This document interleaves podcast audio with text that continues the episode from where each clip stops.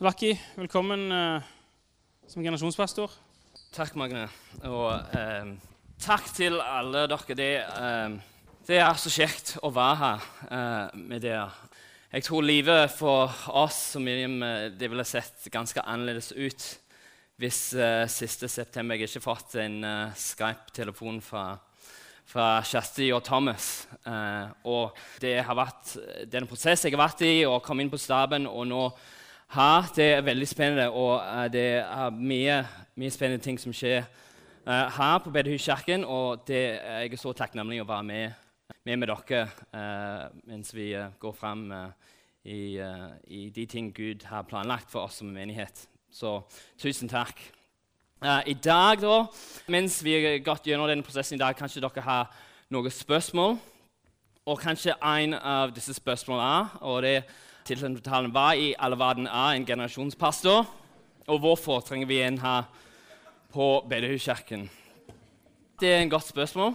Så jeg tenkte jeg kunne ha en liten video som kanskje hjelper deg å forstå litt av uh, rollene mine.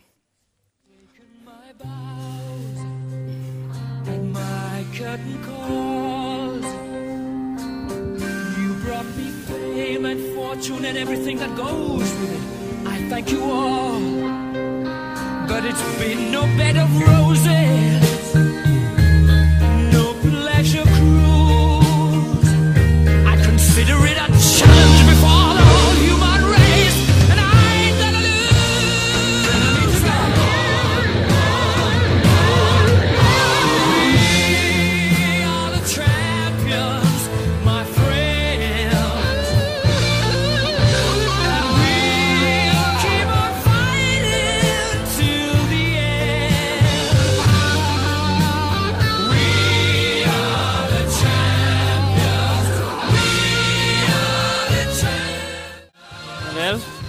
hjelper litt. Uh, Bibelen, Hebreerne 12,1, det forteller oss å fullføre med utholdenhet det løpet som ligger foran oss.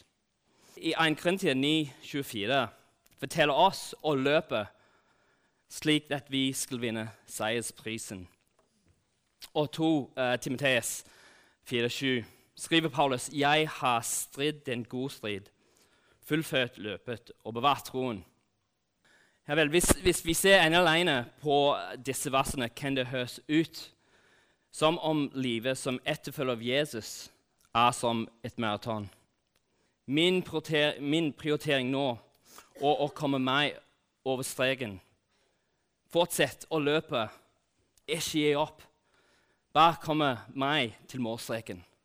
Da er jobben gjort.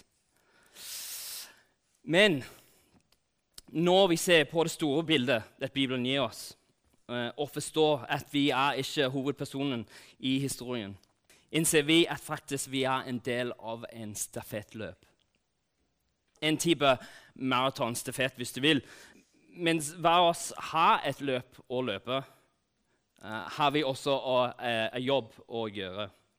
Vi må være en del av å oppdra den neste generasjonen som skal overta etter oss. Og dette har vært historien helt fra begynnelsen. Abraham til Isak, Isak til Jakob og deretter historien om israelittene. Den ene generasjonen etter den andre. Og nå, og nå er eh, det historien om kirken. Fra den første som møtes i Jerusalem, og nå til oss. En generasjon etter det neste. Hver eneste er kalt til å være trofast mot Gud og disippelgjøre de som kommer etter oss. I Salm 28 det står Litt min folk til min lærer. Vend øret til årene fra min munn. Jeg vil åpne munnen og tale i bildet. Vær fram gåtefull tale fra gammel tid. Det vi har hørt og kjenner til, det våre fedre har fortalt oss, skylder vi ikke for deres barn.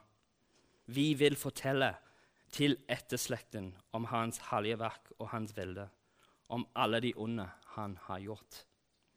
Og så nå, nå er vi i 2019, sant? som et resultat av de som har gått foran oss. De som har vært en del av å dele evangeliet med oss og oppdra oss underviste oss, lærte oss, veiledet oss. Og nå holder vi stafettpinnen. Nå har vi den ansvaret på oss. Og jobben min som generasjonspaste, jeg, jeg, er en slags stafettrener, hvis du vil, for å hjelpe denne prosessen når stafettpinnen overføres fra en generasjon til det neste. Og det er for å unngå uh, det vi så i videoen, egentlig. for ifølge statistikk uh, har den vestlige sjakken gjort en uh, ganske dårlig jobb med dette i det siste. I løpet av de siste 15 årene viser det seg at kjøkken mister opptil 70% av de som bekjente tro på et eller annet tidspunkt i ungdomsårene. Det vil si opptil 70% slutter å delta i kjøkken regelmessig, og de beveger seg bort, bort fra en engasjert uh, vandring med Jesus. Nå tror jeg ikke at uh, disse tallene uh, gjenspeiles her i Bedehuskirken. Men jeg tror for oss alle, hvis vi tenker tilbake på de vi en gang gikk i, i ungdomsgruppene med, er det mange folk vi husker som ikke lenger er involvert i en kirke uh, og som ikke lenger følger Jesus. Sant? Men vi vil uh, se litt tilbake uh, for å hjelpe oss å forstå situasjonen vi er i nå. Så En effekt av reformasjonen i 1500-tallet det var å bringe kjøkken inn i hjemmet. Det var lite om ingen tilbud om opplæring for barn i kjøkken. Pastor lærte foreldrene, og foreldre lærte barna sine. Det var ingen ungdomsarbeid, barnearbeid, søndagsskole. Men kjøkkenleder pekte pekte på hjemmet som et sted uh, der de foreldrene lærte barna sine om Gud. Martin Luther han sa Abraham hadde i sitt eget telt en kirke. Akkurat som i dag det alle gudfryktige foreldre i et hushold disippelgjør barna sine. Derfor er et slikt hus som en skoleåringskirke og husets leder er en biskop og en prest i huset sitt. Denne forståelsen det fortsatte. Det fortsatte fram til ca. 75 år siden, da noe endret seg i vestlige kirker. I USA etter andre verdenskrig det var en stor bevegelse sant? fra landlige omgivelser til byer og til for steder som uh, omringet uh, byene. Så uh, kirker vokste og når de gjør det, økte også ressurser for å tilby mer, mer sånn spesialiserte programmer. Og så I denne prosessen kom det første ungdomspaste og ungdomsgruppe. Tim Kimmel, som er litt sånn ekspert i området her, han sier for de fleste foreldre var det akkurat i tide. Kravene til en konkurrans konkurransedyktig markedsplass, økning av den grunnleggende levestandarden, store faglige forventninger, kvantesprang i teknologi og enkel tilgang til nye former for informasjon og underholdning gjorde at foreldrenes evne til å ramme inn og styre sine barns verdier og troen var plutselig opp mot momental konkurranse. I tillegg var begge foreldrene i økende grad ute i arbeidslivet. Det var en økning i skilsmisse og en tap av barndoms naivitet angående tøffsiden av kulturen. Og foreldrene følte plutselig de hadde liten sjanse til å følge opp alt. Spesielt når det gjaldt uh, prioriteringer hjemme. Men takk og pris for ungdomsgruppe. Da var problemet løst. Dr. Kimmel fortsetter. Han sier uh, litt etter litt begynte foreldrene å overgi ansvaret av den tunge åndelige løft til fagfolk i kjøkken. Når de følte at denne basen var tilstrekkelig dekket, kunne de konsentrere oppmerksomheten om å gi en bedre livsstil og skape noe morsomme minner. Problemet nå i de siste årene er at kjøkken innser at dette fungerer ikke. Det ikke fungerer å bare gi alle åndelige ansvar over til, uh, til en ungdomspaste. Ikke, ikke, spesielt bra, iallfall. Og vi ser altfor mange ungdommer uh, falle sånn gjennom hullene. Vi mister altfor mange. Så er, Som et svar til dette har vi i de siste 10-15 årene sett økning i uh, familie- og, og generasjonspaste menigheter har sett behovet for å hjelpe foreldrene og kirken som helhet å bli involvert i arbeidet med å disippelgjøre den neste generasjonen. Og gjenetablere foreldrene som de som har hovedansvaret for uh, sine barns trosopplæring, og å hjelpe kjøkken til å komme sammen og støtte foreldrene i den rollen. Og det er det med Guds hjelp uh, jeg også skal gjøre her i Bedehuskirken. Heldigvis for oss her har det ikke vært noen krise som har ledet oss som en kirke til å ansette en generasjonspastor. Ut fra det jeg forstår, i alle fall. Har vi, vi har ikke sett så drastiske tall på ungdommer som har gått bort fra turen sin. Jeg tror det er mye pga. prioriteringer vi har etablert i, i DNA vårt her i Bedehuskirken. Uh, jeg tror vi har unngått en slik situasjon. Likevel har vi rom til å vokse og forberede oss i ungdommens eh, og barnets, barnets eh, disippelskap. Både som foreldre og som uh, en menighet, tror jeg. Så først vil jeg snakke litt med foreldrene. I dag er en uh, påminnelse om at du er en pastor. Jeg vet ikke om uh, du noen gang har sett deg selv som en pastor, men fra fødselen til ditt første barn, det var det du blei akkurat som de som har i bedehuskirken, har eh, Gud, gitt, eh, Gud har gitt deg eh, ansvar for åndelig omsorg for din familie. Familien din er en liten menighet, og en primær rolle som foreldre er den åndelige omsorgen og pleie for barna dine. Det er noe du er ansvarlig for. Og dette ansvaret det endres ikke når barn, barna dine blir sendt til minidisippelgruppe det endres definitivt ikke når uh, de, uh, i, uh, når de blir tenåringer og, og, begynner i ungdomsgruppe. Susanne hun, hun ikke overtar uh, den rollen eller ansvaret når barna dine fyller 13 år. hjemme vil fortsatt å være det stedet som barna først og fremst blir mattet og pleiet i, i deres trosopplæring. Nylig i det siste har det blitt lagt en dokumentar i USA uh, som har utforsket uh, denne saken. Så vi skal se en liten video om dette.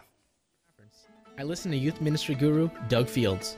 I interviewed speaker Walt Mueller, veteran youth leader Jeannie Mayo, and Rick Lawrence, editor of Group Magazine. All champions of youth ministry practices. And I was amazed to find one concern that surfaced is a consistent frustration with everyone I talked to. You cannot out impact a parent even the best youth pastor in the world can't out impact a parent. So that presents an, a problem for youth pastors because they have to work in partnership with parents. There is no should we, you have to. Because if you don't, if you shut down that outlet, then you're basically saying, I'm going to have very little impact in kids' lives. The family is the place where spiritual nurture takes place. I think we need to admit that there's been a problem with youth ministry over the last couple of years. Youth pastors themselves would say one of their biggest challenges is parents who themselves don't see their discipling role in their kids' lives as primary, or uh, or they they see its importance, but they don't know what to do. So often they, uh, they're offloaded their kids to kind of be the service providers for their for their faith development. So that, that's a frustration for a lot of youth pastors today. We all know that this youth culture is the most unparented we've ever seen in America. You know, they're parented by media, by technology, but not usually by their parents. Å bli tenåring, tenåringer det blir ikke enklere. Og spesielt ikke for de som velger å følge Jesus. Så vi som foreldre trenger å, å, være engasjert. Vi må være proaktive. Vi må ta på oss eh, det ansvaret som Gud har gitt oss. Og alle forskning som er gjort i denne saken, bekrefter at den største innflytelse på en ungens tro er det som blir modellert og lært eh, dem av foreldrene. Uh, interessant nok visste Gud om dette også. Så Han gjør det klart i sitt ord at foreldrene måtte både lære og modellere evangeliet til barna sine. Jeg delte litt på dette om foreldrekvelden forrige uke. Men eh, 5. Mosebok 6 det står litt om dette om foreldrenes rolle. Fra vers 7. Du skal gjenta dem, alle lovene. Uh, du skal gjenta dem for dine barn og taler om dem når de sitter hjemme, og når du går på veien, når du legger deg, og når du står opp. Bind dem på hånden som et makke, og ha dem på pannen som en minnesdel. Skriv dem på dørstolpene i huset ditt og på portene dine. Sånn, Guds år det skulle føres inn i hjemmet. Det skulle være en normal del av hverdagen vår. Og barna våre trenger å forstå at det å følge Jesus det er ikke bare en sånn søndagsaktivitet. Det er noen som skulle forme hele livet vårt. Og jeg forstår at det er ikke alltid så populært for ungene å, å sette dem ned og åpne Bibelen. Men sånn er det med, med matematikklekser også. Sant? Men jeg, jeg ser verdien for, for dem å, å være kompetent uh, i matematikk når de blir eldre. Sant? Så jeg, jeg, trenger å presse dem litt uh, noen ganger, og uh, andre ganger må jeg tenke litt mer kreativt om ja, hvordan kan jeg gjøre det uh, litt mer interessant for dem. Jeg, jeg, må få dem til å engasjere seg med det, fordi jeg vet at det er viktig. Og sant, Hvis jeg er villig å gjøre dette med, med, med mattelekser, hvor mye mer skulle jeg gjøre med Guds ord? Hvis jeg virkelig innser viktigheten av, av denne tiden jeg har med barna mine, for å dele hvem Gud er med dem, så må det påvirke hvordan jeg bruker tiden min med dem, og hva jeg snakker med dem om. Jeg har lest ganske mye, så det er en del quoter her. Men uh, Chap Bedes han en litt sånn åpen måte skriver om dette. Han sier mens vi snakker mye om disippelgjøring av barna våre Virkeligheten kommer når vi begynner å prioritere aktiviteter. Som, som Thomas sa forrige uke, jeg er ikke her for å gi folk dårlig samvittighet, men for å minne oss på at i vårt travle liv at det er de små beslutninger som betyr noe. De teller. Og vi må sørge for uh, at vi tar bevisste valg som uh, stemmer overens med, med, de tingene som virkelig er viktige for oss. En annen ting for foreldrene som er nesten uh, viktig å gjøre, det er å, å være et gjenspeil og en åpenbaring av Guds kjærlighet til våre barn. I foreldrerollen må vi sørge for at måten vi forholder oss til barna våre på, det er en faktor som hjelper dem å forstå Guds kjærlighet, i stedet for noe som muligens kan trekke dem vekk fra ham. Som i annen sammenheng uh, så bør måten vi lever på, og gjenspeile det vi tror på. Ellers, hvis vi ikke gjør det, da vil uh, hykleriet vårt uh, leder folk vekk fra Gud. Og, og, dette bare forsterkes uh, i hjemmet med barna våre, som ser det beste, det beste, og det verste i oss. Og vi vil aldri gjøre dette perfekt, sant? men dette er målet. Vi, vi må være den personen som hjelper, hjelper dem å se, se, hvem Gud egentlig er, hans kjærlighet, gjennom den måten vi forholder oss til dem. Og selv om i vår ufullkommenhet får vi en mulighet til å modellere hvordan det ser ut til å søke tilgivelse. Og hvordan vi forholder oss til barna våre, vil, det, det, vil være en av de største faktorene eh, for at de skal få en større forståelse eh, for hva Guds kjærlighet til dem er. Og det, det, er mye mer for oss eh, å utforske om vår rolle som foreldre. Og det er også grunnen at vi har bestemt å starte opp et uh, foreldrelæringsfellesskap her i Bedehustkirken fra januar av. Og for de som var ikke her på kvelden forrige uke, da skal vi ha et lite møte nede i ungdomshallen for å snakke litt mer om disse ting og noen andre initiativ vi har begynt med her. Så hvis uh, du var ikke det, du er velkommen til å komme ned til ungdomshallen ca. ti minutter uh, etter, uh, etter gudstjeneste i dag for å høre litt mer om, om, noen av disse ting. Men nå jeg vil henvende meg til, um, til oss som en kirke som helhet. For selv om du kanskje ikke har dine egne barn, eller at de flytter hjemmefra er ikke dette, dette ikke gjelder deg. Du er òg uh, involvert her. Uh, dette er noe vi er alle kalt til å være en del av. Uh, dommerens bok uh, det er en klar advarsel til oss som kirke om viktigheten av denne oppgaven vi har. det står det folket kjente Herren så lenge Josfa levde, og så lenge de gamle ennå var i livet de som hadde levd lenger enn Josva, og hadde sett alle de store gjerninger han hadde gjort for Israel. Så døde Josva, den sønn, Herrens tjener, 110 år gammel. Snart gikk hele dette slektsledet, slektledet til sine fedre. Og etter dem vokste det opp en ny slekt som ikke kjente Herren og ikke visste hva han hadde gjort for Israel. Det fortsatte med å si hvordan den generasjonen eh, begynt å tilbe idolene til mennesker rundt seg. De dyrket balgudene og vendte seg bort fra Herren, deres fedres Gud, som hadde ført dem ut av Egypt. De holdt seg til andre guder, slik som folkene omkring dem hadde.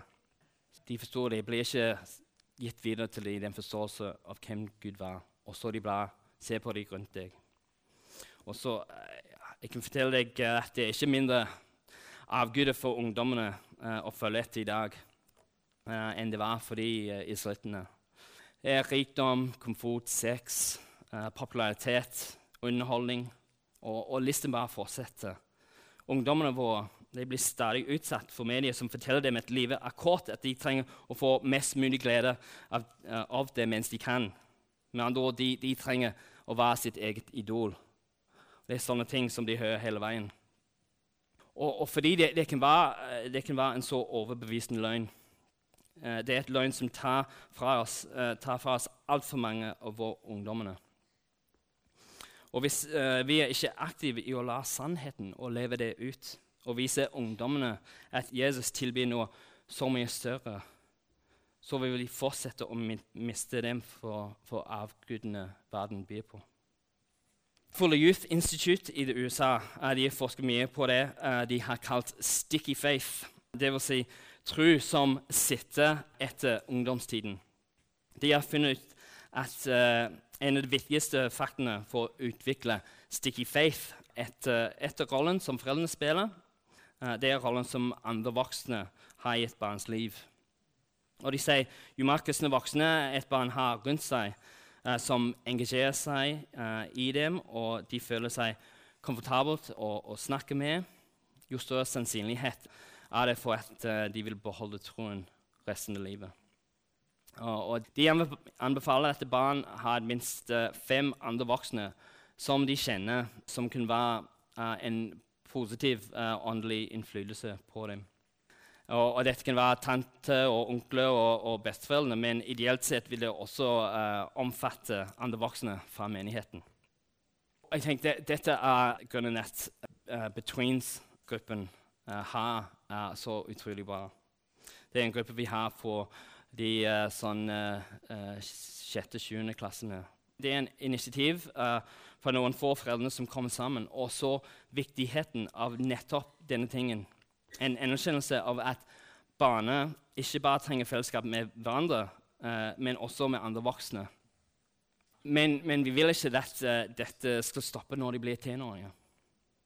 Og mens vi, vi, ønsker å gi dem rom for å utforske deres tro på egen hånd, kan vi ikke bare uh, ta en steg tilbake og håpe at uh, ja, ja, ja, det går sikkert bra til slutt. Nei, vi må engasjere oss. Jeg vil bare lese kort fra en bok her fra uh, en som heter Linde Andenak Johansen. Uh, hun har reflektert om, om, om dette. Hun skriver uh, ungdommene i Skien misjonskirke har sine faste møter, Connect, hver fredag. Dette er samlinger de sier 100% sjøl, og de gjør det knallbra. Men etter en undersøkelse for en tid siden der det tidlig gikk fram at de unge ønsket en nær voksende kontakt og flere voksne ledere. Da har noen voksne bevisst gått inn for å engasjere seg med. De er eh, med som, som eh, medhjelpere eh, i kiosken etter møtet. De er forberedte, eller er de, bare i, de bare er i miljøet. En av dem som har vært det lenge nå, er Hasse. Hasse er pensjonist og ikke kul. Men hendene er til stede, varm og tilgjengelig. Uh, for en tid tilbake skulle vi ansette en ny ungdomspaste. Før vi startet å lette etter denne personen, hadde menighetens ledelse et møte med eh, ungdomsstyret, eh, der de fikk spørsmål om hvordan den nye pastor skulle være. Hvilke egenskaper ønsket de at han eller hun skulle inneha? De brukte ikke lang tid på å oppsummere. Vi vil ha en som Hasse. Hasse ble ikke ansatt som ungdomspastor, men han fortsatte fortsetter å, som eh, en av de faste fredagslederne. Eh, og sammen med ham har stadig flere av de voksne og eldre i menigheten funnet sin plass bakerst i kirkerommet fredag kveld. De ber for og med ungdommene, og de unge søker forbønn hos dem.